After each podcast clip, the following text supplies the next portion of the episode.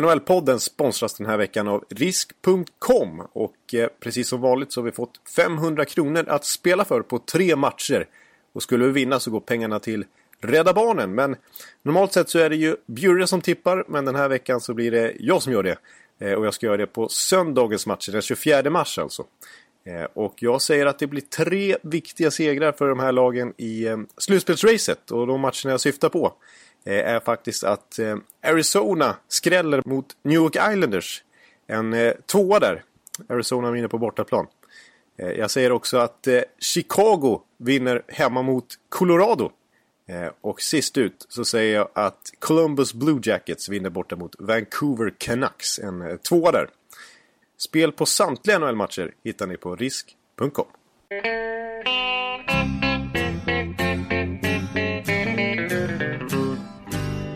out there, we're on the air. It's hockey night tonight. Tension grows, the whistle blows, and the puck goes down the ice. The goalie jumps and the players bump and the fans all go insane. Someone roars, Bobby scores at the good old hockey game. Oh, the good old hockey game is the best game you can name. And the best game you can name is the good old Hallå, hallå, hallå, hallå, hallå, hallå, hallå, hallå, hallå, Hallå! Yes, hallå, hallå och välkomna till NHL-podcasten. Den här veckan i något mer normal eh, version än senaste tiden för. Yes. Ja. Jonathan Ekeliv som ni just hörde i sitt klassiska hallå, hallå sekvens där. Han är tillbaks i Stockholm. Jajamän. Och, och jag, eh, Per Bjurman då, sitter med hörlurar på mig igen i New York. Ja. Men eh, detta 230, vad säger vi? 234.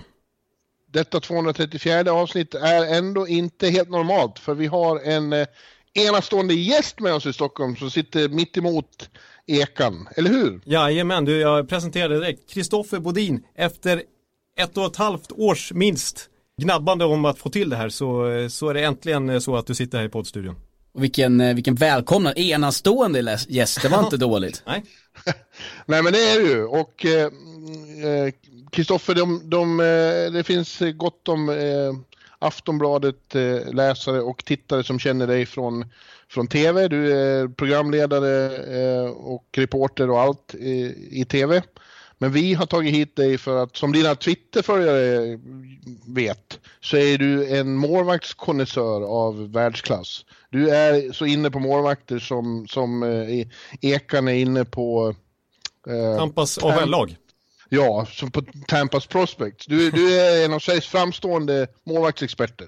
Ja, jag lyfter på hatten för det. Jag skulle säga att de Twitterföljare som orkar följa mig och sen så får man nya ibland som har sett någon tweet och sen inser de att det här skalet med eh, på Twitter, det är egentligen bara målvakter jag skriver och pratar om. Eh, det är väl ungefär det som finns plats i huvudet. Eh, för det är ju så jäkla intressant och så jäkla kul att snacka om målvakter. Och det är den viktigaste positionen i hockey. Ja, det har du ju för sig helt rätt i. Ja. Hur kommer det sig då? Hur har, hur har, det, hur har det blivit så att du, eh, att ditt, eh, det här enorma intresset för, för målvakter, berätta. Stegvis, eh, Björre, handlar det om att jag är intvingad i målvaktsvärlden. Min pappa var målvakt, min farbror var målvakt. Jag var målvakt, stod i mål i 12 år. Eh, nådde som mest division 3.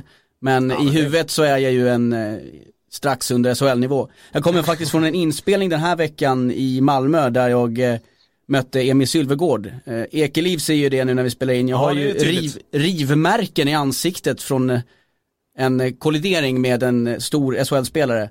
Där min mask rev upp halva mitt ansikte. Så att det ser ut som att jag varit i slagsmål med en katt ute på gatan i stort sett. Oj, oj, oj. Ja, det är inte Ekeliv som har rivit i alla fall. Nej, det är det faktiskt inte. Ondskan har inte varit framme, utan det, det är, jag, jag kan notera, jag kan bekräfta. Jag har inte sett klippet själv, men jag ser fram emot det. Det kommer komma Ser jag hård ut tycker du, eller ser det ut som att det har gått fel i en rosenbuske någonstans? Eh, jag tolkar det som att du ser stenhård ut, som att ja, du, du, är, du är någon slags NHL, eh, kanske inte målvakt, utan snarare eh, George Paros eller ja, jag Tom tänker, Wilson. Jag tänker annars på den här klassiska bilden från, är det Time Magazine som har den här klassiska bilden på Terry Sorchak? Just det. När han har extremt mycket stygn i ansiktet. Ja. Lite ja, så det, känner jag mig. Alltså, det, precis, du ser ut som en eh, 60-talsmålvakt som inte hade hjälm. Precis så. Ja, precis. Det är det jag är ute efter. ja. Ja, men eh, med Kristoffer som gäst så förstår ni att vi ska prata väldigt mycket målvakter. Då. Det här blir ett, ett avsnitt som vi kan kalla målvaktsspecialen eh, och det ska bli, bli otroligt intressant för ni kommer, som ni kommer att märka, eh, den här unge mannen, eh, han kan sitt ämne.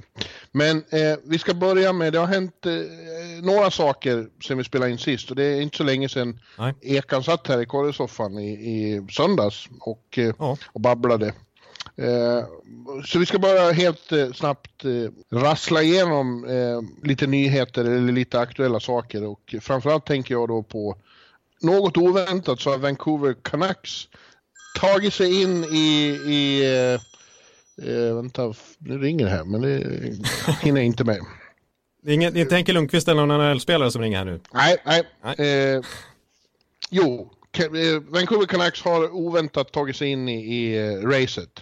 Ja, eh, precis. I, I, västra konferensen och eh, det såg vi inte så sent som för några dagar sedan.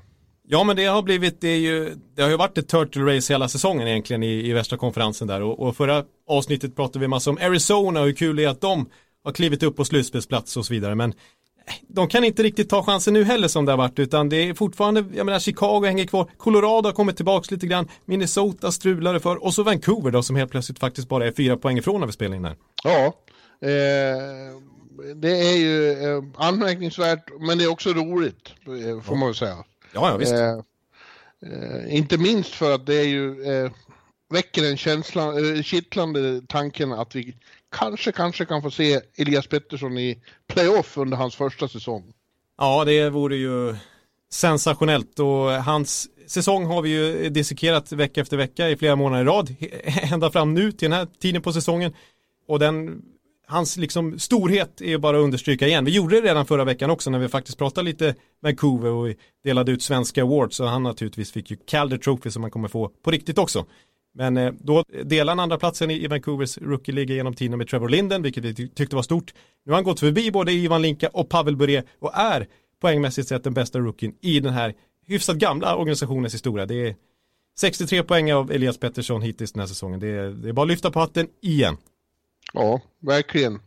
Eh, och, och, vi kan ju passa på att fråga eh, Kristoffer eh, då, eh, Elias för en målvakt, eh, hur, eh, hur upplever de honom tror du? Mardrömsmässig, som en eh, svårläst Alexander Ovechkin på att säga, det var väl lite väl att ta i kanske men eh, han har ju den här eh, för att vara en så, han har ju, får ju höra ganska ofta att han är fortfarande en tanig spelare men han har ju sånt extremt kraft i både dragskott, handledsskott och slagskott. Det är väl egentligen bara en Sundin backhand som eh, skiljer honom från att vara en komplett avslutare i NHL känns det som. Och det där lär väl bara bli bättre. Så att han är svårläst, men även när han inte är svårläst så är det svårt att stoppa puckarna för han har ju sån kraft i skottet. Vi har ju sett jättemånga gånger i powerplay han bara står och laddar gång på gång. Ja. Och målvakterna vet att det skottet kommer, men det kvittar. Eh, mm. Han har en, eh, en fantastisk release, helt enkelt, för att sammanfatta varför han är så svår att stoppa puckar från. Mm. Ja, det är underbart att höra någon annan säga någonting om Elias Pettersson eftersom vi har pratat så mycket om honom hela säsongen. Men, ja, det är, det är bara att hålla med. Jag tycker att det är anmärkningsvärt och som man inte kan liksom, poängtera nog att han är ju inte byggd som Alexander Ovechkin eller superatletik som Steven Stamkos och sådär utan trots att han är som du säger tanig så har han liksom tekniken i skottet och just den här katapulteffekten signifikativt för liksom NHLs absolut skarpaste skyttar. Ja. Det finns några sådana i ditt eh, Tampa Bay Lightning också. Och, och de ja. är ju nu eh, också eh, väldigt aktuella i, idag. När du vaknade eh, denna torsdag morgon eller förmiddag så fick du eh, beskedet som jag antar att du slog frivolter på Jajamän. paketten hemma i Örby. För att eh, Eh, Eh, ja, vi har vetat att NHL tänker återkomma till Stockholm och Globen för, för match även i höst, men de har hemlighållit vilka lag.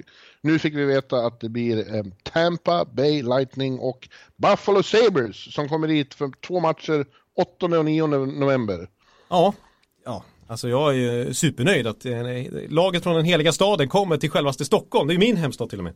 Så att, ja. Eh, det är bara att knalla iväg till Globen för mig i november. Mitt i säsongen också är trevligt tycker jag att det inte är premiären utan det faktiskt är en bit in på säsongen. Så att de är ja. verkligen igång. Ja, det är underbart. Ja, visst är det. Eh, jag skulle vilja påstå att av de här lagen de har skickat hit och de matchups vi har fått se i, i Stockholm sen de började med det här så nog känns det här som en av de absolut sexigaste.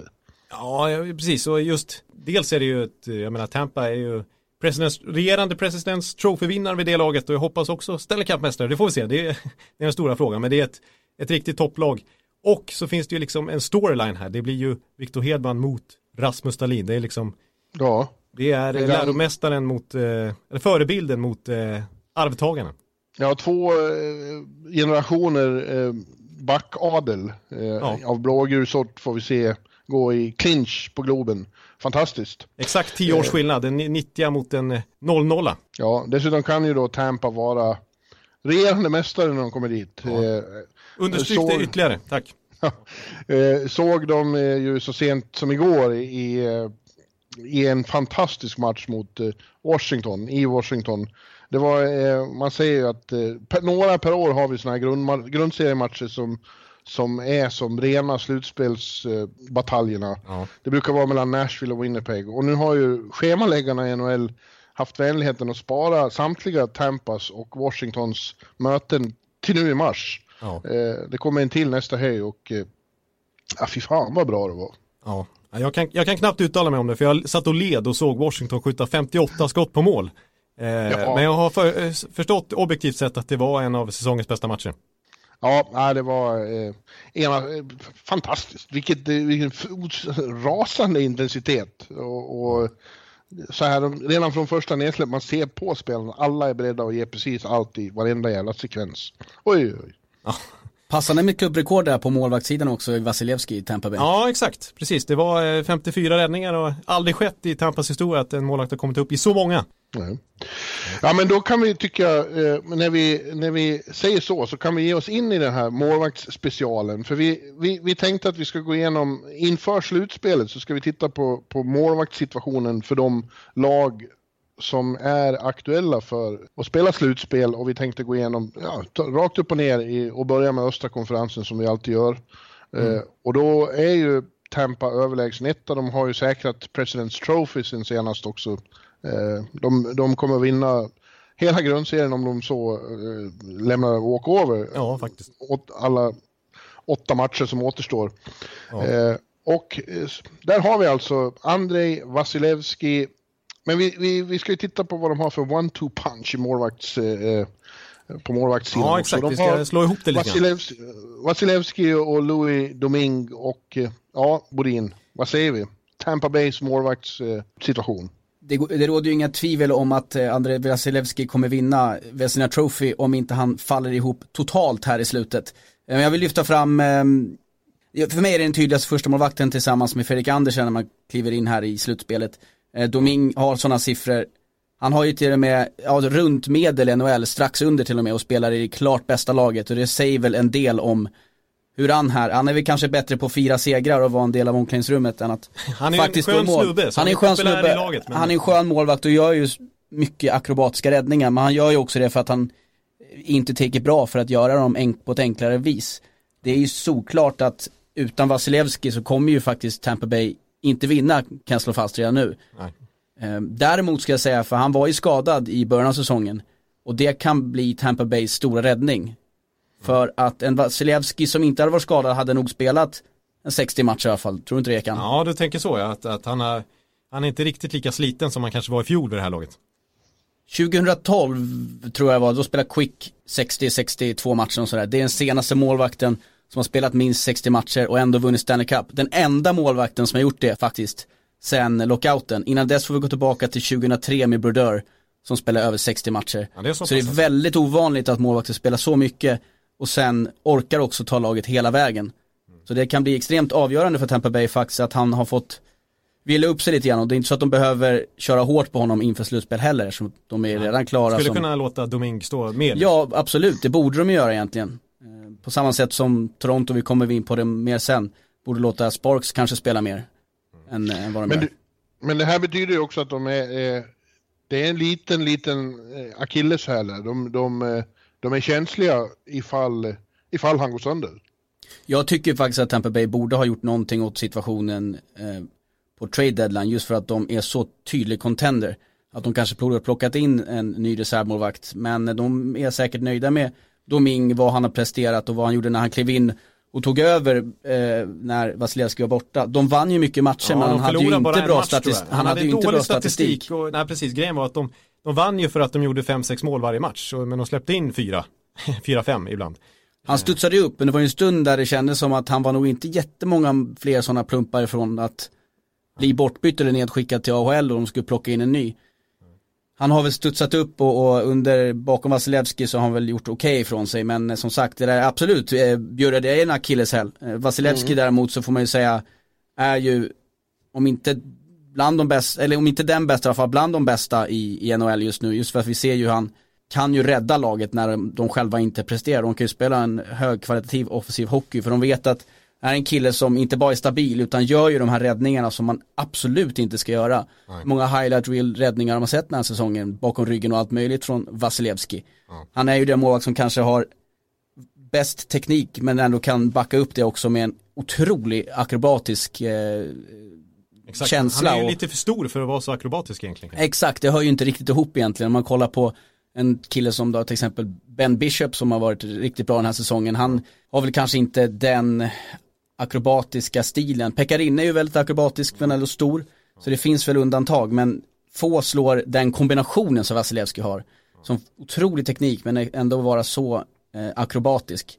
Nu kommer vi in på detaljer i hans spel här men, men det gör ju att han, de kan ju lita på honom på ett sätt som är, det är kusligt när man också kollar på hur bra resten av laget är. Victor, Victor Hedman brukar säga att han aldrig har spelat framför en, en bättre mål. Han säger att det är den största talang han har sett som eh, ja, ren målvaktstalang. Ja, det är ju en supertalang. Gick i första rundan faktiskt, eh, vilket inte så många målvakter gör. Eh, Som ryss dessutom, vilket var en liten sån faktor. Eh, Gick ju till final som tonåring i, i KHL. Eh, spelat tre JVM tror jag för Ryssland. Så att han har alltid varit en supertalang.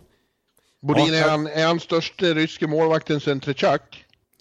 Eh, nej, han har inte kommit upp dit än. Jag skulle säga att fortfarande det finns ett gäng, alltså till och med Havi Bolin ligger väl före honom fortfarande skulle jag säga. Det- Han måste, han måste ju vinna en, eh, en Stanley Cup helt klart för att, för att komma förbi där. Så att det, nej, så, så stor är han inte ännu, men han kan absolut komma upp dit. Ja. Han Ja, är, han är lite udda måste jag säga också, så här, som målvakt det, som Bodin till exempel. Nej, jag skojar. Nej, men eh, han har ju en extrem fäbless för katter. Han har ju massa katter hemma och, och det är därför han kallas för The Big Cat till exempel. Eh, sjukt. och han gifte sig som tonåring, som som 18-åring eller sånt där hemma i Ryssland. Så att, han kommer sen att sluta som en sån där som har 18 katter. Hit, Ja. hittas eh, ensam död med 18 katter. Ja, nej.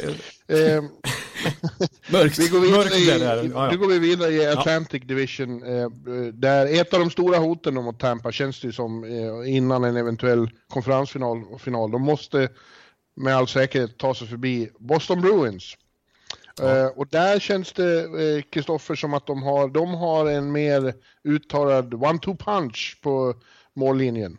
Ja, och då är ju frågan vem man vill ha som etta.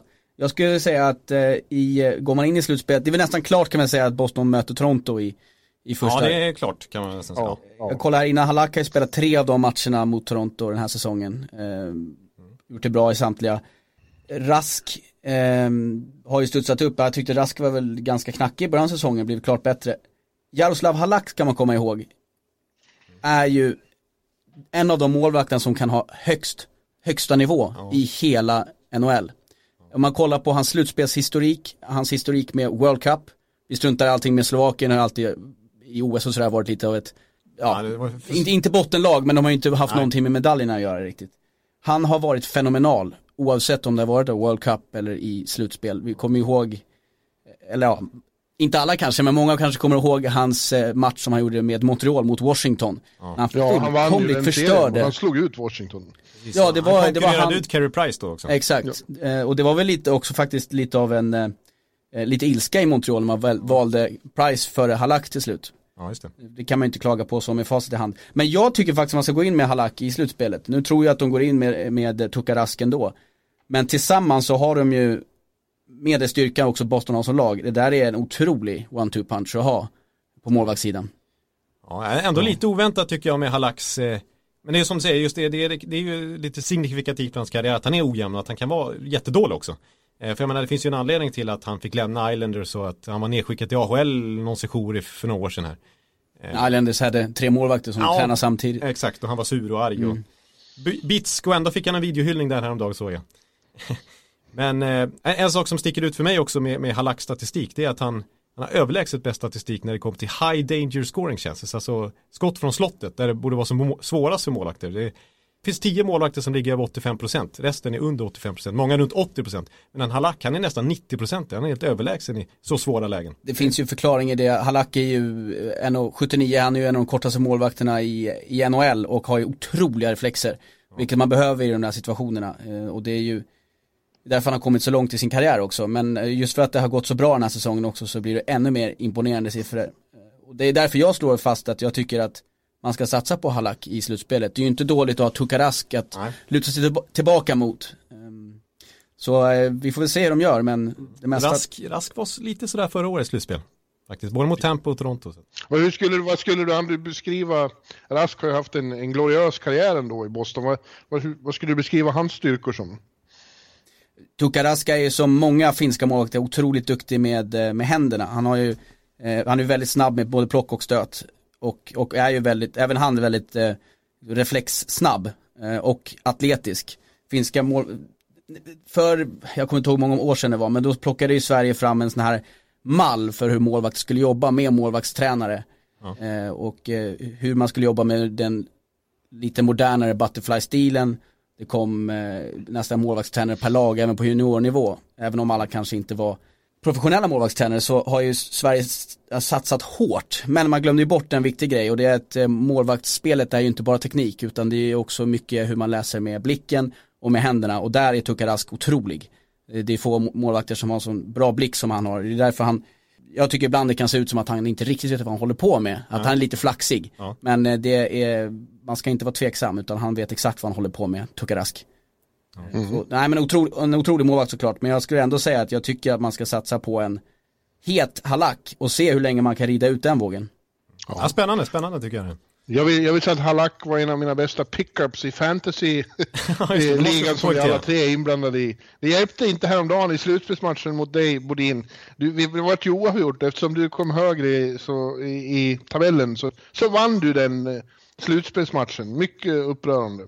Ja, jag har haft rysningar hela veckan. ja, vi är inte riktigt i slutspel, vi är ju i loser-slutspel. Ja, jag tänkte, ska jag nämna det, men jag tänker jag nämner inte, men då gjorde du det ändå, det var ju tråkigt.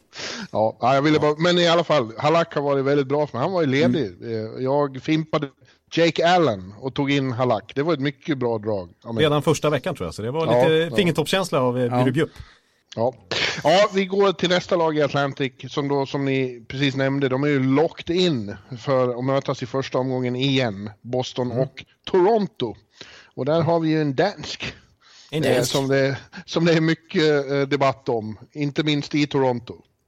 Ja, Björre, du nämnde väl inför säsongen, jag vet att vi pratade lite grann om eh, Vessina kandidater eh, innan pucken ens hade släppts för den här säsongen och då nämnde du Fredrik Andersen och det tycker jag var helt rätt. Han kommer ju inte var med, tror jag, till slut, för Vasilevski är väl ohotad detta, men eh, han är väl där uppe någonstans. Samtidigt så har ju Toronto något fruktansvärt försvarsspel stundtals. Ja. Ja, eh, och det är klart att i ett sånt i ett sånt landskap så även om det är backarnas fel så, så får ju målvakten skit ändå.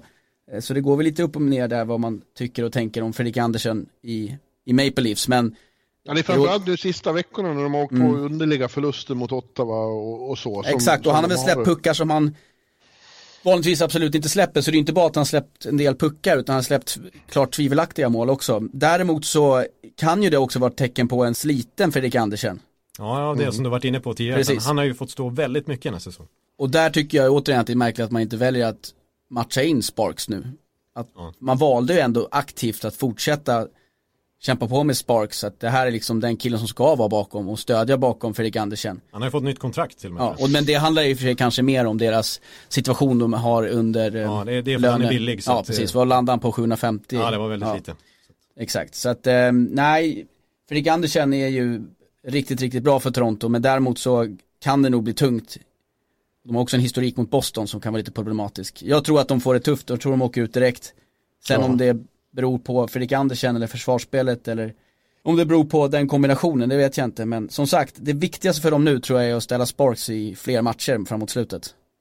De har sagt också, jag hörde så sent som igår något Maple Leaf fans som säger att det största misstaget i år i Toronto var att just väja Sparks och trada bort... Eh, McElhaney. Ja. Ja, just det. absolut. Framförallt en sån rutinerad målvakt också som vi har ju sett har varit riktigt bra också i, i Carolina. Vi kommer väl in på deras underliga målvaktssituation senare såklart. Men det, ja, det är helt rätt Bjurre, det är ju nästan faktabaserat att det var ett misstag att de valde att, att gå med Sparks istället för McElhaney. Ville belöna Sparks kanske för att han eh, vann Calder Cup med dem. Alltså Mm. AHL där, de gjorde väldigt bra Men då är det konstigt att inte ge honom fler chanser egentligen. Än vad man har Ja. gjort. Jag också tycker de som jag att han har ett jävligt coolt namn och därför måste han stå lite. Det Ja, måste man basera på ibland också. och eh, givetvis ska han ju få eh, extra cred för att han både har, eh, eller för att han har eh, gjort en kopia tidigare av Trevor Kids skydd som han hade i Just Toronto. det, just det. Det tycker jag alltid, man ska få lite pluspoäng för flärd, men det är klart, står man i båset så syns ju inte benskydden så mycket. Nej, det Då ska sant. man kanske spela snarare. Men han är, han är ett litet frågetecken för dem där, eller hur? Eh, Sparks. Om, om det blir problem med Andersen. Utan tvekan, de går ingenstans utan Fredrik Andersen. Det är jag är helt övertygad om. Apropå Andersen så måste jag säga att han eh, förberedde sig i somras här ganska inför säsongen när han, eh, jag såg att han var med i, i Navy Seals Hell Week.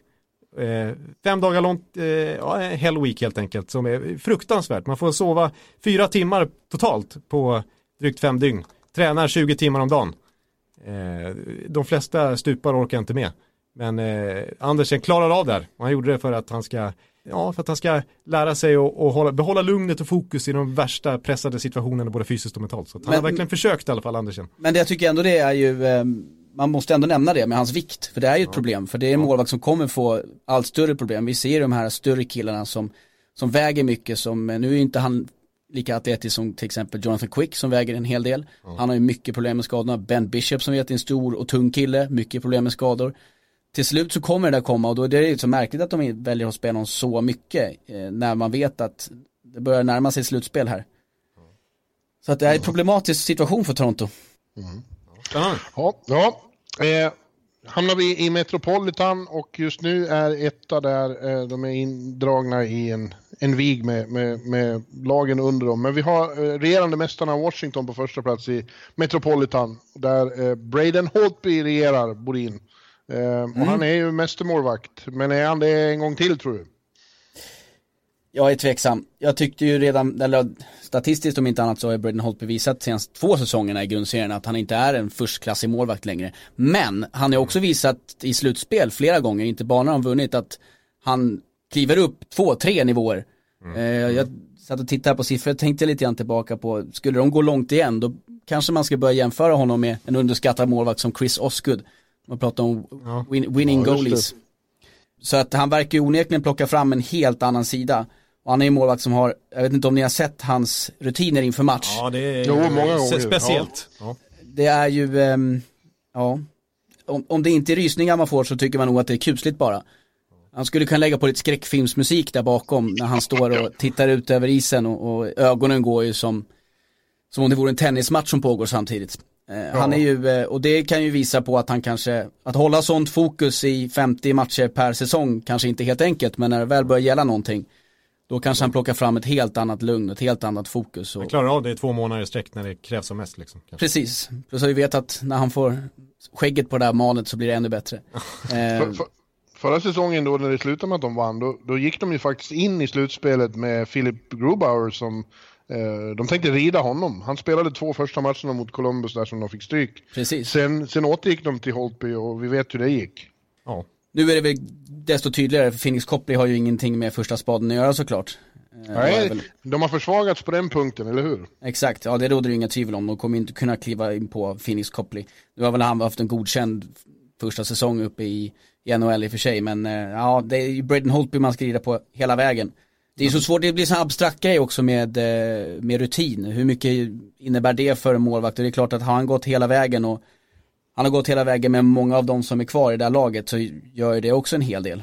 Ja. Och han har inte blivit en sämre målvakt än förra säsongen. Han har ju typ samma statistik i grundserien som i fjol. Ja, Men det är som du säger att han höjer sig i slutspel. Han är faktiskt den målakt av samtliga aktiva idag som har högst räddningsprocent i slutspel i karriären. Han är nästan 93% i slutspel. Så det säger ju någonting om hans förmåga att höja sig. I, i, I Washington så räknas han ju såklart som en av de stora, stora Stanley Cup-hjältarna och, och de återkommer ständigt till det. de kallar The Save i finalserien mot eh, Vegas där. Eh, vet du vilken räddning jag pratar om då? Ja, absolut, jag fick rysningar lite grann jag tänkte på den faktiskt. Jag satt uppe eh, här på redaktionen och tittade på den och eh, man räk det var en av de här tillfällena där man verkligen räknar med att det är redan mål men han ja. lyckas ta den där på någon vänster. Ja, jag satt ju där i hallen och, och det var så här, hela Vegas började jubla, men det, nej, på något jävla vänster så vart det inte mål. Nu är ju alla NHL-målvakter, ger ju aldrig upp på spelet, men Braden Holtby är en av de som verkligen kan göra den här räddningen när man tänker att nu är det över. Men eh, i slutspel så det gäller ju inte att ge sig och, och eh, Ja, jag tror att eh, han kommer absolut eh, kliva upp en eller två nivåer, men sen om det räcker hela vägen är jag inte helt säker på. Han har ju spelat mycket i och med att han också spelat slutspel, gått långt ja, ja, och spelat mycket matcher den här säsongen. Eh, det är en målvakt som gillar att, eh, att han, han är ju väldigt vig och använder väldigt mycket av, av den spelstilen. Eh, men det kan också slita på kroppen på alla möjliga sätt också.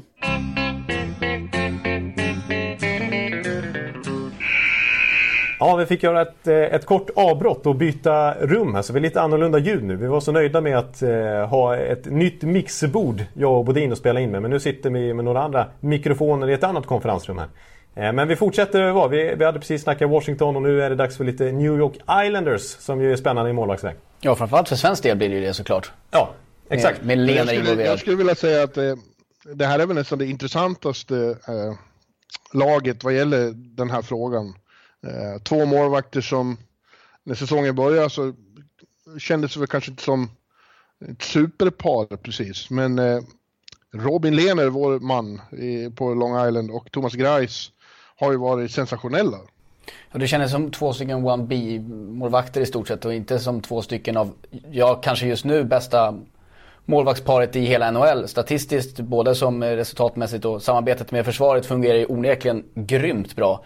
Sen är ju bara frågan vem man väljer, för du måste ju till slut välja målvakt att vara din go-to-kille i slutspelet. Mm. Och nog borde väl nu Thomas Greiss gå upp med en upper hand här efter att eh, Robin Lehner har väl bara spelat några matcher eller två och dessutom gjorde, hade en tung start när han kom tillbaka från sin befarade hjärnskakning. Mm. Så just ja. nu lutar det åt eh, Thomas Greiss. Ja, vi som har hyllat Lehner som en Vesina-kandidat stora delar av säsongen med tanke på hans sjuka statistik. Men grejen är ju att Greis har spelat lika många matcher. Han är uppe lika mycket matcher nu. Bättre eh, räddningsprocent. Bättre räddningsprocent. Han har bättre goal saved above average om man pratar liksom avancerad målvaktsstatistik. Han har faktiskt passerat Lehner i många av de där kategorierna. Och ja, det är möjligt att han plötsligt har blivit första valet. Man har utgått från att Lehner ändå är nummer ett av de här två. Men det kanske är Greis alltså.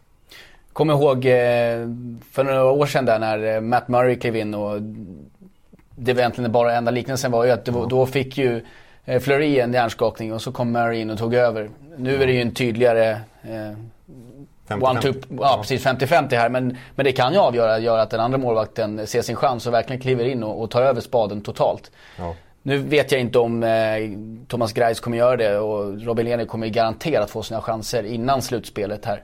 Men med det sagt så äh, lutar väl det mesta att hon startar hos Grais nu helt plötsligt istället för Robin Lehner. Så att, ja, det är anmärkningsvärt. Men så är frågan om, de har, om det är en styrka att ha två så jämna målvakter i slutspelet. Eller om det snarare kan bli problematiskt.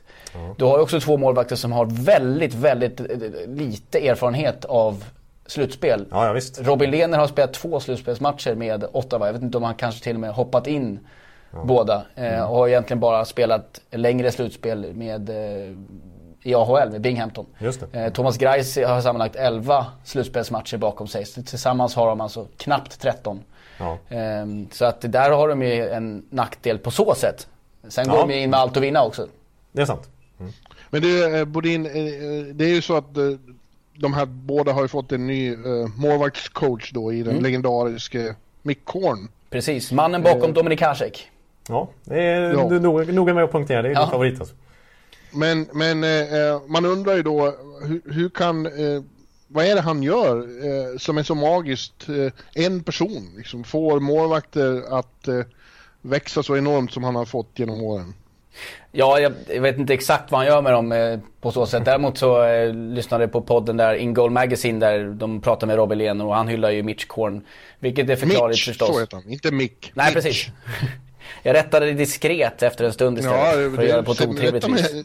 på en gång nästa gång. Ja, jag ska göra det, jag lovar. Nej, men han, och han pratade ju om eh, mycket om hur han har jobbat med att förbättra sitt spel med vinklar. Hamna rätt hela tiden med, med kroppen mot pucken. Det handlar om hela tiden att ha bröstet mot pucken och inte hamna snett. Robin Lehner gjorde det mycket förut och eh, jobbar inte riktigt lika yvigt som han gjort tidigare. Samtidigt som han fortfarande kan göra de här two-stack pads räddningarna och Mitch Korn, det han gör bra tror jag är att han låter sina målvakter fortfarande vara sig själva och ha kvar sin identitet som målvakter och jobba med de här detaljerna som kanske inte man ser med, eh, för blotta Nej, ögat. nej. Det kan handla om att man eh, flyttar skridskorna eller bredden mellan skridskorna i några centimeter bara och det vet jag att Robin Lehner bland annat har gjort. Att han, har ju, han står ju inte lika brett längre utan han har ju fått ihop eh, benskydden och skridskorna bara några centimeter och sen när de kommer närmre då kliver han ner i djupare eh, butterfly-stil medan han när de är ute vid blå då står han nästan i, i ser ut som Nabokov nästan när han står i mål. Ja, just det. Mm. Eh, Och jag tror att den detaljstyrningen är mycket viktigare än att man ska ge sig in i eh, och ändra hela, Hela- sättet Nej, att spela på. För ett, du får inte den respekten hos målvakterna som eh, du behöver som målvaktstränare. Och, och två, så kan det snarare göra att de ändrar sin stil på så sätt att går det åt helvete då börjar de ifrågasätta hela, hela sin målvakts ex- Ja. existens höll jag på att säga. Ja. Ja, det är det som är så speciellt med Mitch Korn, just de här små detaljerna. Han poängterar hur man ska, vilken vinkel man ska hålla nacken och Mm. eh, plockhandsken och så vidare. Det är, det är verkligen små detaljer men det, är intressant som du säger att han ändå inte vill förs- liksom förstöra målakten helt och bygga om honom till sin modell. Utan det är verkligen små detaljer per målakt som han är inne och petar kring. Och som gör extrem skillnad. Det är ju så många exempel nu. Det är ju Holtby sen tidigare och det är är många, alltså Pekarinne hade ju honom och Carter Hutton för den delen. Och Thomas Foucault tidigare i karriären. Så det är, han har ju verkligen lyckats förändra vilken målvakt han än har haft till det bättre. Ja, och det är som sagt det Robin Lehner har lyft fram. Eh, Små detaljerna med vinklar och, och jobbet, jobbet med, med huvudet och skridskorna. Men att han fortfarande får vara den målvakt han är. Den akrobatiska målvakten som vi har sett Robin Lehner vara. Ja. Genom hela karriären egentligen. Det är också, eh, de har ju en ny headcoach, Mitch, Corners, eh, Mitch Corns ständiga följeslagare Barry Trotz och han har ju också skärpt till Islanders försvarsspel något alldeles enormt jämfört med de närmast föregående åren. Och det har väl också hjälpt de här två herrarna. En detalj bara snabbt, eh, jag ska snöa in oss för mycket på Mitch Korn. Men den fördel de har haft att de kan snurra här.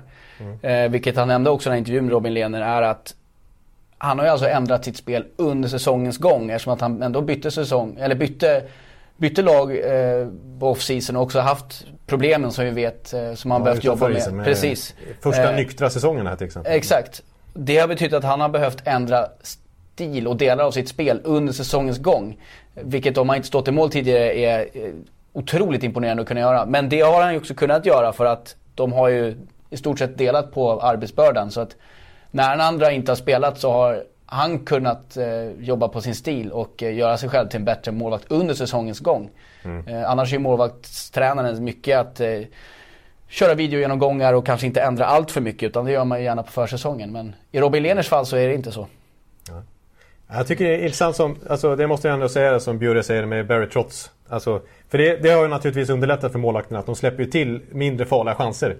För det var det, det har ju jag och Bjure tjatat om under hela, under hela säsongen här hur lättspelade Islanders var i fjol.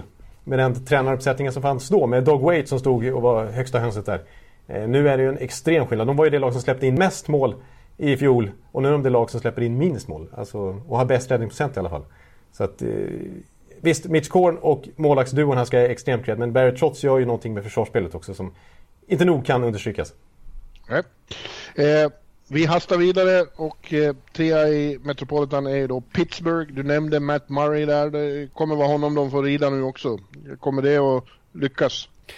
Ja, vad ska man säga om Matt Murray? Han verkar ju onekligen eh, kunna prestera i slutspel. Men eh, jag skulle ändå vilja lyfta fram och säga att han eh, i roll som första målvakt ändå har eh, spottat upp sig rejält här under säsongens gång. Vi vet ju att han har haft en hel del problem med skador och liknande. Men jag tycker när de har till slut eh, hamnat i Casey D. Smith där som eh, reserv så tycker jag att det funkar bättre och bättre. Och Matt Murray på sistone har gjort en hel del, hel del bra och Eh, fina insatser och varvat det med några smått galna räddningar dessutom. Så jag tycker de går in överraskande bra i det här slutspelet eh, ändå, Pittsburgh Penguins. Och Casey D. Smith har ju visat att eh, för att vara första ordentliga säsongen i NHL att han, han håller ju helt klart i rollen där bakom. Mm. Också en trend där med just The Smith. Alltså fler målvakter som skriver så här, billiga två, treårskontrakt. Alltså det, The Smith gjorde det nyligen. Vi hade Phoenix Copley som vi precis pratade om. Eh, Jose Saros i, som vi kommer komma in på i Nashville. Det är en verklig trend att eh, liksom knyta upp sin backup som ändå är okej. Okay. Det räcker med att han står 25 matcher och har 91%. Så får man ett treårskontrakt. Och så hoppas man att det är bra löntagsmässigt för laget. Ja, sen kanske också de känner att eh, gör de en, två, tre bra säsonger som reserver då kan man tjäna storkovan sen. Vi har ju sett en hel del målvakter göra det som eh, kanske inte varit redo för det. Eh, och eh, då kan det vara värt att satsa några år på att vara bakom en riktigt skicklig första målvakt som man kan lära sig av och dessutom spela i ett bra lag så siffrorna eh, ja. blir bättre. Nu vet jag inte om de tänker så själviskt ja, i det läget. De tänker men... att de ska, bli, de ska få ett Scott Darling-kontrakt eller Precis. Kent Talbot-kontrakt. Ja. Eller något.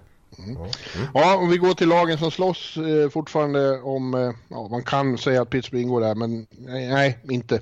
De som slåss om de sista två wildcard-platserna eh, är ju då Carolina, Columbus, Montreal och kanske i någon mån Philadelphia.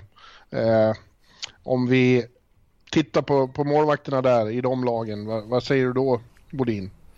Jag var ju stolt över mig själv att jag lyckades eh, plocka in, vi hade ju en eh, lite eh, chansningar kan man väl kalla det för här innan jul. En enkät med NHL och då nämnde jag att Carter Hart skulle bli den stora sensationen här bland spelare under, under vårsäsongen. Och jag tycker väl att han har, visat att det, det, finns en otroligt fin framtid i honom. Nu kommer det inte räcka för det där för jag är rätt säker på. De ligger ju så pass långt efter fortfarande. Däremot så, vi har ju Carey Price såklart. Han blev ju utnämnd i natt var det väl? Ja, här alldeles nyligen i, ja. spelarnas egen enkät. Precis, som mm. Eh, bästa målvakt i NHL med ganska bra marginal också. Ja. För att vara ändå, borde vara en så pass jämn eh, jämn omröstning. Men eh, ja, han blev ju utsedd till det och det får man ju ifrågasätta om det bara är gamla meriter eller om det är så att han har varit riktigt bra efter All Star uppehållet också. Eh, han skippade väl All-Star-matchen där tror jag? Ja precis, han tog en match avstängning mm. med flit. Ja, och det är väl inte helt fel med tanke på hur mycket han får jobba. Hans skadehistorik som har... Precis, det med. Eh, däremot så... Ja, han kanske inte är bäst i NHL men, men eh, jag läste en längre artikel om honom och eh, det är ju lätt att vrida och vända på siffror. Mm. Eh, men däremot så är det en målvakten som får de svårare lägena på sig när det kommer till långa förflyttningar, när det kommer till lägen i slottet. Och där ligger han i alla fall topp 5 i NHL utan tvekan. Mm. Eh, och har ju, precis på samma sätt som Robin Lehner, har han ändrat ännu mer radikalt sin bredd på hur han står med skridskorna. Det vill säga hur djupt han står i mål. Okay. Han är rörde sig om mellan skridskorna sammanlagt två decimeters skillnad i grundställning. Det är mycket, det är mycket. Från förra säsongen som vi vet var hans tyngsta i karriären i stort sett. Ja. Så att eh, Carey Price är stekhet just nu och eh, det kan göra att det räcker hela vägen till eh, Det är Montreals eh, räddning för spelmässigt och eh, framförallt deras offensivt, power, offensivt. finns ju ingenting. Ja, de, de, de har ju bra 5 mot 5 siffror och de mm. har bra possession-siffror. Men just effektiviteten och spetsen framåt och powerplay finns ju inte där just nu. Nej. Så att det är Carey Price som är deras hopp. A lot can happen in three years, like a chatbot may be your new best friend. But what won't change? Needing health insurance. United Healthcare Tri Term Medical Plans, underwritten by Golden Rule Insurance Company, offer flexible, budget friendly coverage that lasts nearly three years in some states. Learn more at uh1.com. Mm. Carolina har ju haft målvaktsproblem i många år. Det verkar vara en, stor, en av de stora skillnaderna i år att de faktiskt har fått väldigt bra målvaktsspel. Ja, väldigt överraskande också när man kollar. Det var inte så att man gick in i säsongen och tänkte att det röra sig om man... Mrazek och, och McElhaney skulle ta det här laget till slutspel direkt. Nej. Nej eh, och Columbus har ju Bobrovski, vi vet vad han kan. Vi vet också att han inte alltid kan i slutspel. Nej, det kan man minst sagt säga. Bobrovski måste ju dessutom prestera på hög nivå nu om han vill få de pengarna han... Exakt, han har varit ute efter ett Carey Price-kontrakt och ja. då snackar vi 10,5 miljon dollar hända, per säsong. Det kommer ju inte hända nu efter den här säsongen han har haft. Eh, och han måste helt klart spotta upp sig i slutspelet som du säger Bjurman. Jag kommer ihåg en av de kanske mest underhållande serierna jag någonsin har sett i mitt liv. Oavsett nivåer på hockey är ju den mellan eh, Philadelphia ja, och Pittsburgh. Pittsburgh eh, där ingen målvakt kunde rädda puckarna. Flurry kastade in puckar, eh, Bobrovski kastade in puckar. Och, nej, det var, det var ju underhållande. Men eh, sen om det skulle räcka hela vägen, det känns ju tveksamt. Bobrovski har en är fortfarande en av världens bästa målvakter även fast det inte har fungerat den här säsongen. Jag tycker inte att han har tappat så mycket heller. Ehm, Det kan ju ha att göra med situationen han är i, att han inte har skrivit på nytt kontrakt och det är tension med, med, med organisationen där. ja, det var ju inte, var det två veckor sedan han satt på pressläktaren och kollade på match? Eh, Exakt, Ja, efter han efter Tampa-match minns jag specifikt när han eh, stirrade Tortorella i ögonen efter att ha blivit utbytt och kom inte in i båset igen sen och blev faktiskt avstängd av klubben. den Också halvkomplicerat att ha en sån tränare eh, i båset i den situationen som både han och Panarin är i. Det är ju inte optimal Nej, det är kanske inte kombination. den, den, den mest, eh, mest omtänksamma tränaren i den här situationen. Nej, Nej men så att han måste spotta upp sig, men jag tror också att han har mycket mer att ge. Sen eh, slutspelshistoriken eh, vet jag inte hur slumpmässig den är och hur mycket det sitter i, i huvudet. Men eh, jag tror att eh, ska de vinna en runda så måste han helt klart inte bara höja sin slutspelsstatistik utan även höja den eh, insats han har haft under grundserien. Egentligen. För exakt. Korpisalo har ju inte heller klivit in och, och Nej, dominerat på något sätt. Nej, nej. Och Kincaid har inte ens fått spela än. Nej, precis. Och varit katastrofal i New Jersey faktiskt den här säsongen dessförinnan. Trots att de alltså tradade till sig honom nu, Columbus. Mm. Eh, Ja. Nej, vi, kan, vi kanske... Ja, vi, vi får nämna det. Du sa ju Carter Hart där med Philadelphia, men vi måste ju ändå nämna, vi har en målvaktsexpert här med oss, att eh, de har slagit rekord. Har Använt åtta målvakter den här säsongen. Det, är- Ja. det är ju... Det är ju sjukt. Det blir också så eh, extra kul när det rör sig om den mest givna klubben att göra det. Ja, är Philadelphia sant. som Ja. inte har haft en vettig målvakt i flera säsonger i rad sedan Ron Hextall i stort sett. Nej, ja, precis. Precis, det är som eh, 90-talet och början av 90-talet. Ja. Ja. Men nu får vi ta, eh, jag fick eh, höra här att ni har lite, eh, vi har inte hur mycket tid som helst på oss. Ja, det är bra att Bjurre tar tag i saken här nu och för oss vidare. Nu får, vi, nu får vi inte fördjupa oss för mycket säger du åt mig och så sitter ni och fördjupar er. Jag pratade om Mitch Corning kvart. Ja, precis. Jag höll på att gå in på eh, Talbots och Harts vänskap nu, men det, vi skiter i det och så går vi vidare istället. Ja, jag, jag, jag, jag som trodde ni skulle uppskatta att jag drog ihop de där fyra lagen. Eh, Ja, det var, det var Ja, bra. det var bra. Jag bara sammanfatta och säga då alltså upper hand i Montreal med tanke på hur duktig Carey Price är och eh, med tanke på hur, eh, hur bra form han är också sen eh, All Star-uppehållet. Så kan vi säga. Yes. Ja, vi eh, går som sagt till väst och börjar vid Central eh, Division där Winnipeg nu eh, har dragit ifrån lite i toppen eh, och de har ju då Connor Hellebuck. Mr. Hellebucken. Hellebucken. Vad tror du om Hellebucken, Bodin? Nej men, Helle, Hellebucken. Nej men han har ju eh, statistiskt kanske inte riktigt lika imponerande säsong som i fjol där han var Vessina finalist. Däremot så tror jag starkare på honom den här säsongen och jag tror också han har lyft av att han har eh, Laurent Brossois som har varit eh, otroligt bra i... Eh, Extremt oväntad eh, succé-backup måste jag säga. Ja precis, med tanke på hans siffror. Jag var tveksam på att man skulle kliva in med honom som reserv. Men han har ju faktiskt varit riktigt, riktigt bra. Bland annat bättre räddningsprocent än eh, Helle- Hellebuck har. Eh, förra året hade han ju Steve Mason bakom sig tr- trots allt. Och det är ju, han har ju till och med lagt av att spela hockey. Det säger väl en del. Eh, de går in med eh, ett av de bästa lagen i NHL. De går också in med jag ska inte säga en av de bästa målvaktsparen men strax där under i alla fall med tanke på vad Laurent Brossois har gjort den här säsongen. Och Hellebuck har också varit lite ifrågasatt stundtals. Den här Ja, hans första nolla kom här om natten bara. Precis, eh, så att eh, och det är förståeligt. Det är återigen en kanadensisk marknad som kräver ganska mycket av sitt lag och sina spelare. Men eh, som jag ser det nu så, så kommer han kliva in i slutspelet och åtminstone göra liknande som han gjorde förra året, tror jag. Ja, för då var han faktiskt otroligt bra i förra årets Mm. slutspel vill jag säga. Han var, han var på Fleury-nivå då och Holtby-nivå. De, det var de tre som stack ut. Precis, och nu kan han ju också göra en dålig match och känna att det finns en kille bakom där som eh, inte alls kliver in och kastar in Kastar pucken. Nej, det är sant. Ja. ja. Eh, Men det finns eh, de som ser ut att ha det ännu bättre förspänt och det är deras främsta rival där i Central Nashville. Finska duon Pekkarine och Jussi Saros. Mm, och där kan man ju också prata om en problematisk stundtals slutspelshistorik eh, i Pekkarine. Även när han har haft bra siffror så har det ju avslutats med en, en, platt tung, match. en platt match eller en tung serie. Ofta de matcherna har också varit hjälpt som mest. Game 6 och Game 7 när Pekkarine har helt plötsligt gått från att vara fenomenal i slutspelet till att släppa puckar som man inte ens såg komma att det skulle kunna ske. Precis, tavlor på första just skottet. så blev det ju senast mot Winnipeg. Precis, och det är ju... ehm, det är återigen, hur slumpmässigt är det? Hur mycket sitter i, i skallen på Pekkarinen som ändå minst sagt är till åren? Han borde ha en hel del rutin nu att luta sig tillbaka mot. Eh, och eh, många trodde väl kanske, redan förra säsongen pratade om att Jussi Saro skulle kliva in och, långsamt varit ta över Ja. som första målvakt och Pekkarinen fortsätter imponera och vara den här absurt snabb, snabba målvakten som, eh, som har lärt känna honom genom åren i NHL och har verkligen inte blivit sämre på något sätt. Att- Nytt kontrakt här tidigare i säsongen som är första målvaktslön. Så det, Exakt. Så nej, han, eh, han kliver in med, man får vara optimistisk igen. Jag tycker alltid jag är optimistisk när det gäller Pekkarine.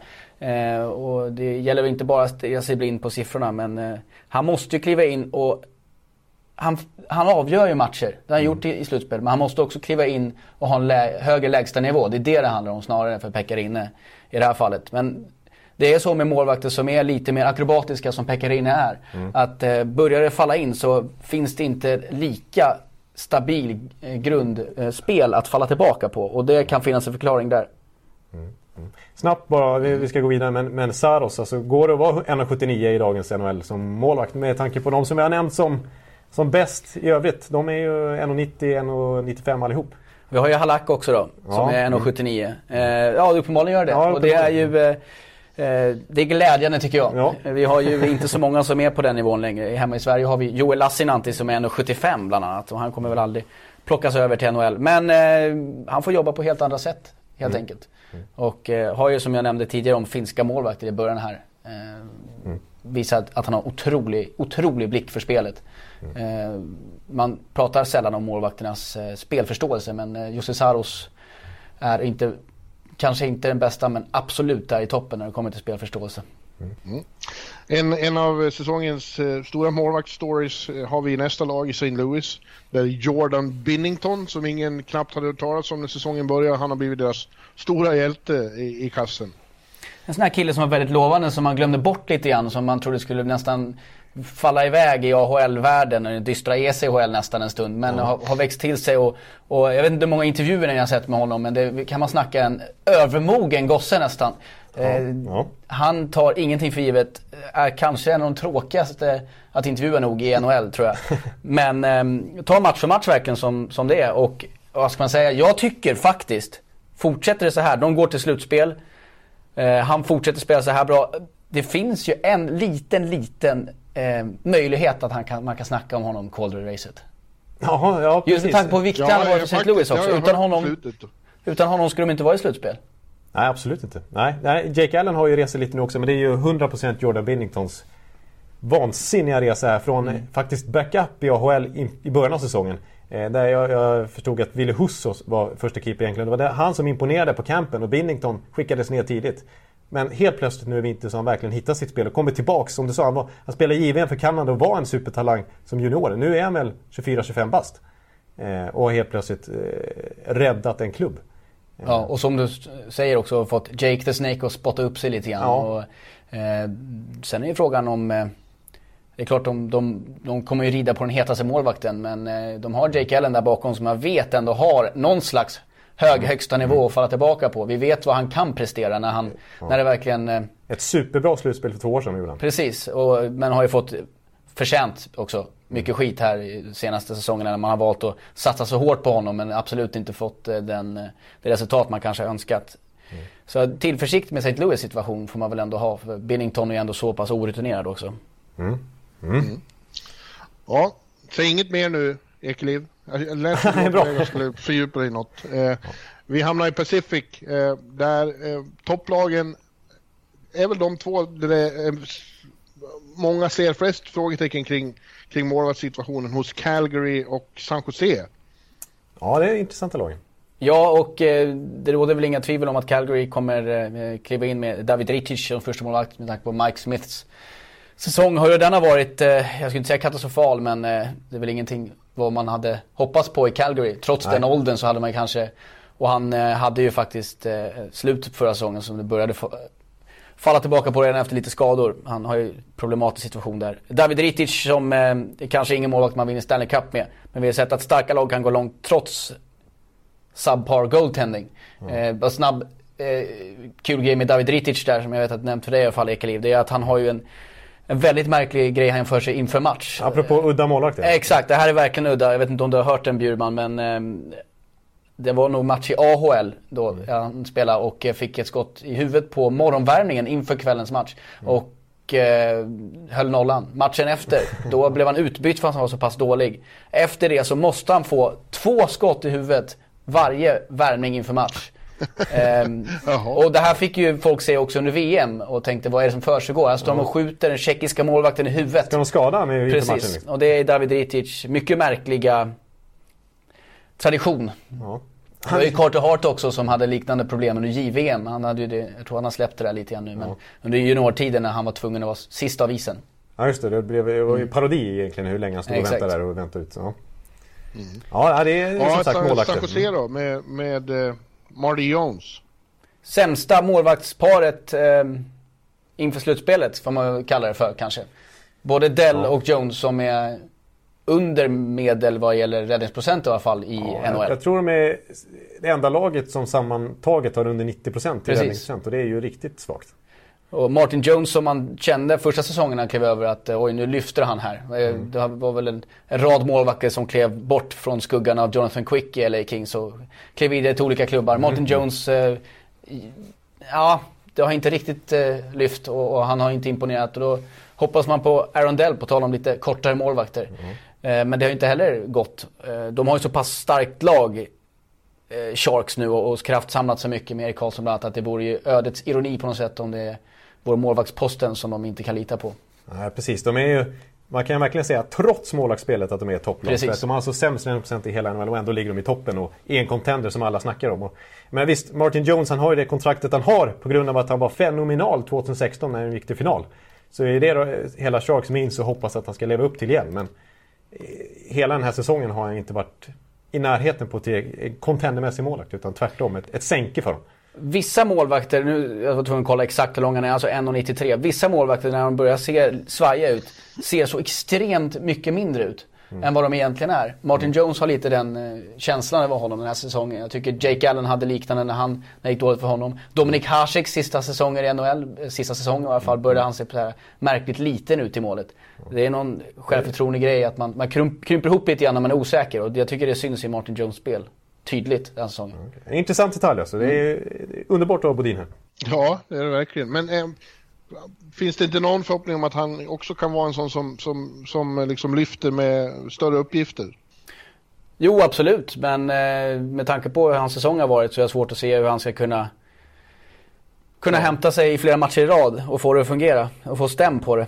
Eh, ja, jag, är- jag är klart bekymrad över, över att de ska kunna ta sig långt i slutspelet med, med den målvaktsduon. Ja, det, var, det var ju snack om Bobrovski dit men de, har, de lägger för mycket pengar på, på, eh, på eh, Jones för att de ska ha råd att ta in en till målvakt. Så det, det är han de måste lita på. I Vegas som ligger på tredje plats i, i Pacific, eh, där had, har de en målvakt som tog dem hela vägen till final i fjol får man väl säga. I Mark-André Fleury. Han var sensationell i slutspelet förra året. Jag nämnde i början här att det fanns väl ingen lag som var mer beroende av sin målvakt än eh, Toronto och Tampa Bay. Men eh, där får man väl eh, säga att det var, det är ju fel för att Vegas är ju utan tvekan med där också. Kanske tillsammans med Toronto är det de som har, är mest beroende av sin målvakt. Och Fleury som eh, blandat och gett men har ju varit Vessina, han borde ju vara Vessina finalist tycker jag i alla fall.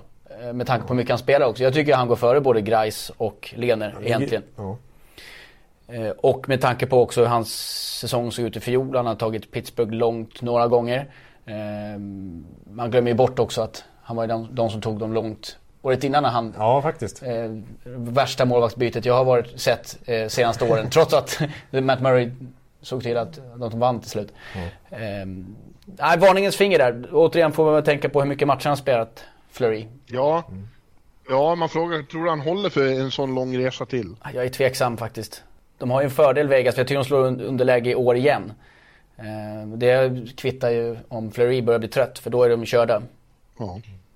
ja, och bakom sig har han Malcolm Subban. Ja, det finns inte så mycket att säga egentligen att eh, jag trodde väl på något sätt ändå att man skulle ge honom lite fler chanser eftersom att de hade ju en så märklig målvaktssäsong i fjol när de hade eh, Legacy och Ja, Dansk det. och Dansk, det de, var ju- hade, ja, de hade OHL, jag kommer inte ihåg. De fick, de fick kalla in från OL dessutom, Precis, så att det var ju... basis. Ja. Så jag trodde faktiskt de skulle ha en tydligare reservmålvakt i år eller satsa tydligare på Marcus Subban. Men det har de inte gjort och han har väl kanske inte imponerat jättemycket heller. Ja, hyfsade tycker jag sista Ja. tiden men börjar säsongen eh, riktigt, riktigt svagt. Ja, men då är, han har ju också spelat så pass få matcher att det är svårt att Bedöma honom. bedöma honom nästan. Ja. Ja, det är Fleury som ska ta Vegas Ja, det är det inga tvivel om. 100%. Ja, sen har vi som sagt ett riktigt eh, eh, getingbo runt i, i kampen om wildcard-platserna i väst. Vi har, ja, det är ju eh, sex lag inblandade här. Dallas, Arizona just nu ovanför strecket. Underjagande har vi Minnesota, Colorado närmast, men även Chicago och Vancouver mm. hakar på. Eh, där finns det ju eh, väldigt många målvakter. Men vi kan ju säga då Dallas till exempel har väl en av ligans allra bästa one-two punches där.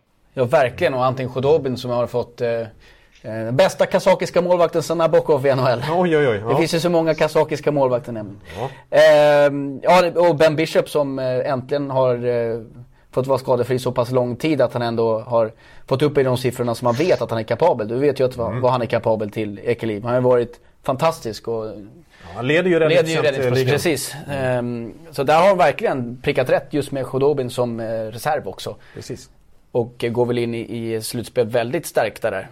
Mm. Uh, och nu borde de ju också kunna vila, eller vila eh, Bishop lite extra inför slutspelet. För vi var inne på, han är de målvakterna som är så pass tung att skadehistoriken talar sitt tydliga språk. Ja, tyngden spelar förstås eh, roll, det är värt att poängtera. Jag har alltid sagt att han är för lång för sitt eget bästa om man kan vara ja. det som målvakt. Men det känns som att hans kroppsdelar flyger hit och dit ibland och att han eh, viker, viker sätter snurr på sig själv, eller vad säger man? Men jag tycker han har varit och det blir ju så med självförtroende. Han har varit trogen sin egen eh, spelstil på något sätt. Mm. Det är väldigt eh, vanligt att en målvakt som börjar bli lite, lite bekymrad, eh, inte ser pucken, börjar bli yvig med händerna på ett sätt som han kanske inte ska vara egentligen. Mm. Ben Bishop har varit har ju haft som självförtroende den här säsongen att jag tror det faller sig rätt naturligt för honom nu. Han kommer nog inte börja ifrågasätta sig själv även om det trillar in lite puckar. Nej. Det är ju, alltså Dallas, vi har ju varit, pratat mycket Dallas jag och Bjurre och de har ju ganska mycket problem. De har en första kedja som vi hyllar men som också har kallats för horseshit den här säsongen. Och ändå ligger de så högt upp tack vare målvaktsspelet. Det är ju verkligen det de kan. Ja, då vet ja, man att det finns Vi sa ju Klingberg när vi pratade med honom att båda målvakterna varit fantastiska. Mm. Ja, det råder egentligen inget tvivel om. konstatera att Khudobin är en fantastisk backup. Han var ju det i Boston i fjol också. Ja, jag har varit lite överraskad att Boston inte förlängde. förlängde. Men det går ju inte att ifrågasätta nu när de plockade in i Halak och hur bra han har varit heller. Men nej, absolut, Khudobin måste ju helt klart lyftas fram i den rollen också. Ja. Ja, eh, och i övrigt då, nu låter jag er prata på alltså. Jag tänkte vara ordningsman i skolan. Det var ni som sa att det var ont om tid. Ja, jag ska lyfta fram några fler där så eh, jag tycker ändå nu tror jag väl kanske inte att eh, Vancouver kommer upp där men vi måste ju nämna hur äntligen hur, vilken bra säsong eh, Jakob Markström har haft och jag var lite tveksam där när, när de bytte bort Anders Nilsson men tvärtom så har ju det lyft Markström ytterligare. Och mm, nu eh, Ja, eh, jag, han har haft sin bästa säsong tycker jag som första målvakt i NHL och eh, om det är någon som ska ta dem hela vägen så måste det vara han. För att de kommer inte att prestera på den höga nivå varje match som krävs för att gå till slutspel egentligen tror jag. Eh, mm. De är lite svajiga emellanåt, Vancouver, vilket är inte så konstigt med ett unt lag. Eh, och med tanke på också när Thatcher Demko plockar dem upp och det första han gör är att skada sig så har ju varit ännu tydligare att Markström är ju killen man kommer luta sig mot i den här slutspelsjakten. Markan har fått en enorm arbetsbörda i år och det verkar som bara ha, ha växt av den, precis som du säger. Mm. Och, ja, och jag säger att jag var tveksam på när de bytte bort Anders Nilsson men eh, helt rätt beslut av Vancouvers ledning och, och eh, att ge eh, Markström det förtroendet. Mm. Colorado har, var ju extremt bra i höstas men har fallit tillbaka och har tunga skador nu till exempel på Landeskog. Och ett deras stora problem den här säsongen var att vare sig Valamov eller, eller Grubauer har riktigt levt upp till förväntningarna. Håller du med om det? Absolut. Och eh, Valamov tycker jag det var länge sedan han var riktigt bra i NHL. Och, sen, och jag, kände, jag kände lite grann att snart är KHL-dags för honom i början av säsongen. Och så började han första två, tre veckorna var han väl bäst i hela NHL. Ja, han började ju sens sensationellt bra, det gjorde han. Och sen så tappade han det där. Jag trodde också mer på Grubauer om jag ska vara ärlig. Jag var rätt... Ja säker på. Man har sett... Mitch Cord-produkt. Precis, och eh, jag trodde väl nästan att han skulle kunna få en... Eh, om Valamo skulle falla igenom, att han skulle få lite av en eh, vad kallar, Cam Talbot-säsong. Det var hans första ja, säsong han klev över till. Ett genombrott som första Precis, eh, det fick han ju inte heller. Och, och, nej, de har inte fått det att stämma. Och sen så har ju Pavel Franchus klivit upp och spelat där, den stora mm. tjeckiska målvakten. Ja. Eh, jag trodde de skulle rida mer på honom för han spelade ju två matcher och var fantastisk. Men, Precis, och varit duktig i VM för Tjeckien. Så precis. han ändå, finns ju lite rutin ändå. Ja exakt och, och har ju många säsonger bakom sig ja, som första målvakt i KHL och fantastiska siffror därifrån också.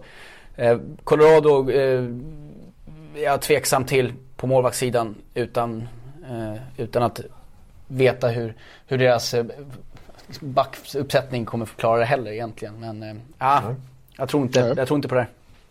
Arizona, Minnesota och Chicago har bra första målvakter i alla fall. Ja, Chicago har väl problem med att eh, de har en viss skadehistorik. Ja, tyvärr alltså. Ja. Nu är han i alla fall tillbaks, Corey Ja, Crawford. Men, precis. eh, men det borde börja ta ut sin rätt lite siffermässigt alltså. Annars Ja. har han varit en av de senaste tio årens bästa målvakter redan. Ja, absolut. Och en av de mest underskattade varje gång. Eh, Jag vet inte vad det beror på, om det är hans spelstil som är lite speciell eller hur det är. Sen så hade de ju Colin Del- De- Delia som... Ja. Också fått ett treårskontrakt värt en Mm. miljon, precis som så många andra backup-målvakter. Precis, när man... Eh, inte alls överraskande att Cam Ward inte skulle prestera på någon högre nivå. Det är det mest obegripliga förtroendet någon någonsin har fått i NHL tror jag. Oj, oj. Men det var ingen som trodde att Darcy Kemper skulle kunna bära bördan efter att Antiranta försvann för hela säsongen. Men han har ju varit en av eh, huvudorsakerna till att Arizona chockar sig upp på wildcard-plats, eller hur? Ja, och Darcy Kemper som en sån här målvakt som ändå statistiskt haft en bra NHL-karriär men aldrig egentligen fått chansen ens att vara en 1B-målvakt utan ofta har varit en så tydlig utpräglad reserv att han inte aldrig riktigt har fått chansen att visa upp sig. Så det är ju häftigt när det verkligen stämmer på det sättet det gör också. När Antiranta ska vi komma ihåg var ju inte jättebra innan han skadade sig heller. Han hade ju problem redan innan dess. Kom tillbaka för tidigt och då kom nästa bak, baksmälla för honom. Eh, Och Darcy Kemper som du är inne på har varit otroligt bra. För Så, så jag inte framför mig när jag såg han faktiskt i ECHL i Orlando Solar Bears 2012. Nej. Att han skulle vara en av NHLs hetaste målvakter eh, sju år senare. Nej, men det är häftigt de här som går lite långa vägen. Ja, han har verkligen gått den långa vägen. Och varit i ett eh, Jo. rad NHL-klubbar. Så inte Minnesota-fansen blir sura, vi måste nämna Ja. Devon Dubnik också.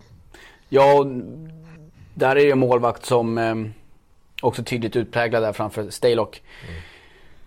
Och går de till slutspel så, så tror jag då han kan säkert rädda, eller ta dem en extra runda för jag tycker han är Han är en riktigt bra målvakt och stundtals lite underskattad faktiskt. Sen är det något med Minnesotas försvarsspel som jag måste lyfta fram. Jag anklagas ibland för att vara Minnesota-supporter. Men, men eh, alltså det är Ja, det det är lag som lag släpper... i väst. Nej, det är inte så. Men det är det lag som släpper till minst antal målchanser i slottet. Det är Devin Dubnyk är målvakt eh, vars skott han får mot sig kommer från längst avstånd i hela NHL i snitt. Så att det är inte så mycket farliga målchanser han ställs inför och ändå har han inte extremt bra siffror den här säsongen. Bra siffror men han har inte varit på sin allra topp i år känner jag i alla fall. Nej, jag, jag i stundtals är jag lite allergisk mot de här eh, när man analyserar för mycket med siffror och, och jag tycker ofta att räddningsprocent kan tala ett ganska tydligt språk. Jag vet att många förespråkade Steve Mason för några år sedan att han var topp tre målvakter i NHL och eh, det visade sig att så var inte var fallet. Bara Nej. för man tittade på olika underliggande siffror. Men eh, jag läste en artikel om, eh, som du är inne på Ekele lite grann, eh, då var det goal saved. Eh, Above- above expectation har en Ja. Sean Tierney som lägger ut den. Ja.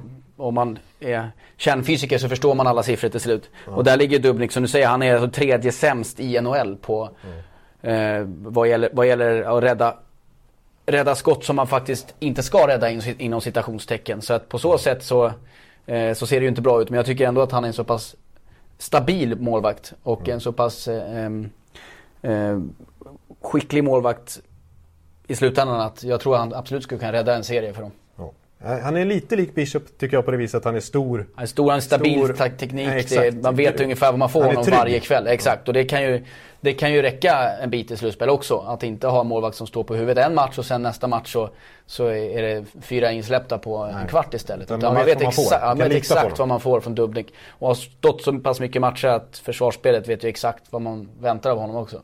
Ja.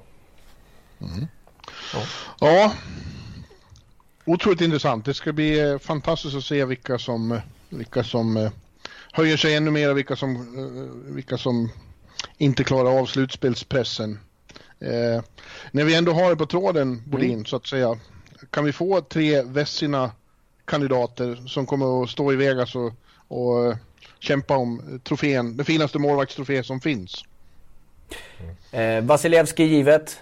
Eh, Hellebuck, nej. Fredrik Andersen, ja. Jag säger Vasilevski, Andersen och Fleury i slutändan. Fleury slår ut både Greis och Lener för att just det har varit så att de har stått ungefär lika mycket. Eh, Ja. Och där kommer, Ves- där kommer Vasilevski att eh, defilera hem det hyfsat enkelt, är jag rätt säker på. Ja. ja, vi får se. Det är ju faktiskt en konstig eh, kategori i, i awards där, för det är general managers. Det enda de röstar om är målvakter. Eh, Nej, och det är lite, lite udda måste jag säga. Ja, det är lite märkligt. Det får man komma ihåg att, att de kanske inte alltid har rätt. Nej. Jag måste... Nej, och de, de röstar, det känns det som, efter vad, de har inte liksom studerat målvakter ingående utan de röstar efter vad de har sett eh, när de har varit med i sina egna lag och sett motståndarmålvakter som har varit jävligt bra någon kväll. Ja, och så går de och kollar räddningsprocenten kanske också och Ja. kör därifrån. De hör väl mycket av vad andra säger också. Eh, jag, måste, jag måste avsluta med en grej för att eh, om vi nu är på väg att runda av här. Ja. Vi nämnde ju tidigare lite roliga och udda saker målvakter kan ha för sig. Ja, ja, det vill vi höra. absoluta favoritstory är från eh, Corey Hirsch. Eh, ni, ni vet Corey Hirsch som släppte Forsberg jag straff. Ja, Ja. precis. Han, eh, de hade en roundtable där, eh, The Hockey News, med en gäng målvakter där han var med bland annat. Och då berättade han att eh, i sin första, eh, en av sina första NHL-matcher så han, hade han varit, eh, han släppt två skott i första perioden och fick för sig att jag måste ändra någonting. Det funkar så bra förut. Han kliver in i omklädningsrummet, klär av sig totalt naken. Okej. Framför sina lagkamrater han knappt känner, som att han är rookie. Obskyrt, apropå målvakt igen. Ja, precis. Eh, helt naken, sätter på sig grejerna igen och kliver in och spikar igen. Eh, så det är väl kanske långsiktigt inte en optimal sak att göra, men det funkade för honom där och då. Jag måste fråga en sak du eh, också faktiskt. Du, du, du nämnde där att eh, Holtby står och håller på med ögonen före matcherna. Ja. Eh, när, jag, när jag frågade, vi hade en enkät här i, för några månader sedan med de svenska, alla svenska NHL-spelare och en fråga var vad gör du under flygresorna? Och då sa Linus Ullmark i, i, i Buffalo att ja, bland annat läsa så, och titta på video och så tränar jag ögonen. Ja. Och jag tänkte inte mer på det där förrän, förrän efteråt. Vad, vad fan betyder det? Vad, vad, hur tränar man ögonen, Bodin? Jag pratade med, eh, jag kommer inte ens ihåg vem det var, vilken målvakt det var. Men det var någon elitseriemålvakt förut som eh, eh, sa vilken skillnad det gör att bara stå och titta på puckarna. Att behöver inte, när reserven värmer upp. Eh, För att du kommer in i det på ett helt annat sätt. Eh, just för att det går så fort att det är mycket reflexer men följer du en puck hela vägen till slut så kommer ögat registrera den här svarta, svarta objektet Ja. som kommer flygande mot dig. Det kommer bli autofokus på det. Lite så. Eh, och- det, ja, det är väl så det fungerar. Det är väl någonting man kanske skulle ha testat själv under sin karriär. Det gjorde jag nämligen aldrig. Eh, så att, eh, nej, men det är fascinerande hur, eh, jag tror på något sätt man kan lura hjärnan att, eh, att söka efter vissa grejer. Det är det det handlar om. Eh, med, och det och sen så såklart hamna i rätt mindset och rätt fokus. Ja. Ja, men hörni ni. Då får vi väl kanske sätta punkt då och tacka Kristoffer Bodin så oerhört mycket för den här fantastiska gästspelet. Ledsen att det blev så mycket strul där med studios och grejer. Ja, det var nästan så att det var ju lite mitt fel att jag som inte hade bokat upp studion. Så jag får, det är mitt fel. Jag, kanske att jag skulle Ja, ha det är inte testat... lite ditt fel, det är ditt fel. Det är mitt fel. Precis. Jag, kanske att jag skulle ha testat Corey Hirsch-modellen, gått och ställt mig naken här inför redaktionen och kommit in i studion här igen för att få ett nytt, eh, nytt mindset här. Men det gjorde jag faktiskt inte. Det tror jag var bra. Det var kanske bra. Ja. Man ska inte lyssna för mycket på målvakter. Nej. Nej, men eh, Bodin, tack så hemskt mycket. Eh, Tack, det var, det var bara roligt. Jag älskar ju att prata målvakter och får man chans att göra på jobbtid så är det ännu bättre. Ja, ja men eh, Ekan, vi återkommer nästa vecka med... Eh, ja, då är vi verkligen inne i spurten. Precis, då, är det, då snackar vi race på riktigt. Vi har tragglat en hel del eh, om den här streckstriden nu men, men nu börjar det bli hett på allvar så det ser jag fram emot faktiskt. Det kommer ha hänt Yes. mycket till dess. Ja, och målvakterna kommer att ha eh, gjort bort sig och, eh, och eh, skrivit in sig i historien. Ja, vi kan väl hoppas på det. Ja, vi hoppas att Bodin återkommer eh, senast nästa säsong också. Det här Ja, tycker jag var kul. absolut. Vi gör gärna Ja. om det här. Yes. Ja, men då säger vi så. Ja. Vi, vi säger tack och bock och, och hej helt enkelt. Hej, hej! Hallå, hallå, hallå. Hallå, hallå, hallå. Alex Chiazot, Joe Luis Arena och Esposito. Esposito. Uttalsproblem, men vi tjötar ändå. Och alla kan vara lugna, inspelningsknappen är på. Bjuder Hanna Kohl, han är grym i sin roll. Från Kållesoffan har han fullständig kontroll på det som händer och sker. Det blir ju allt fler som rattar in hans blogg. Och lyssna på hans podd. One, two, time, speed, so Hallå, hallå, hallå. One, two, time, speed, so Hallå, hallå, hallå. Ekeliv, som är ung och har driv. Verkar stor och stark och känns allmänt massiv. Han hejar på Tampa och älskar Hedman. Sjunger som Sinatra. Ja, oj, där ser man. Nu är det dags för refräng. Dags för magi, Victor Norén. Du är ett geni. Så stand up at home and remove your hats. Höj volym, för nu är det plats. One, two, three, speed, so Hallå, hallå, hallå. One, two, three, speed, so Hallå, hallå, hallå. One, two, three, speed, so Hallå, hallå, hallå. One, two, three, speed, so Hallå, hallå, hallå. Det är otroligt länge sedan båda samtidigt var så här bra. Hallå, hallå, hallå. Det är otroligt länge sedan båda samtidigt var så här bra.